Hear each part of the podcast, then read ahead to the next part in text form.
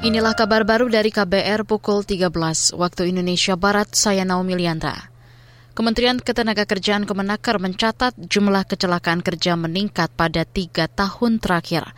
Menaker Ida Fauzia mengatakan peningkatan kecelakaan kerja itu termasuk di dalamnya penyakit akibat kerja.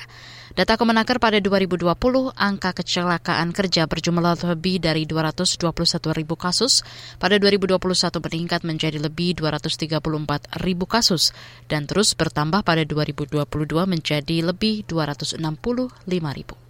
Untuk itu, kami mengajak dan mendorong kepada pengurus perusahaan untuk menerapkan sistem manajemen keselamatan dan kesehatan kerja secara konsisten sebagaimana ketentuan perundang-undangan yang berlaku Menaker Ida Fauzia menyebut telah mengupayakan pelaksanaan keselamatan dan kesehatan kerja K3 secara nasional.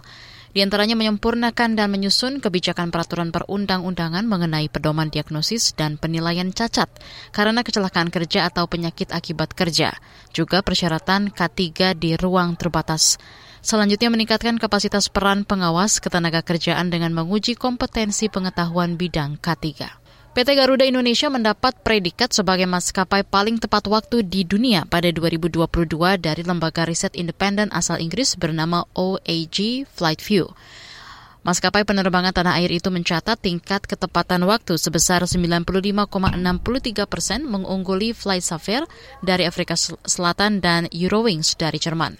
Dalam keterangan tertulisnya, Direktur Utama Garuda Indonesia Irfan Setia Putra menyebut capaian Garuda Indonesia juga menjadi tingkat ketepatan waktu tertinggi yang pernah diraih perusahaan dalam pemeringkatan sejak 2019.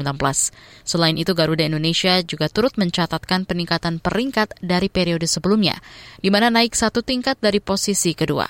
Irfan mengatakan predikat ini sejalan dengan upaya Garuda Indonesia untuk mengakselerasi berbagai langkah transformasi kinerja.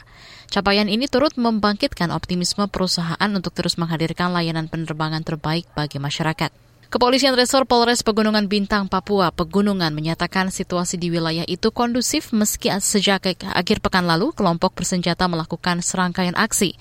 Kapolres Pegunungan Bintang Muhammad Davi Bastomi mengatakan aktivitas warga berjalan seperti biasa, namun hingga kini aparat keamanan masih menyisir berbagai lokasi untuk mencari terduga pelaku pembakaran dan penembakan beberapa hari lalu perdagangan, kegiatan pemerintahan, kegiatan pendidikan dan lainnya perekonomian tetap berjalan, kami akan mengamankan.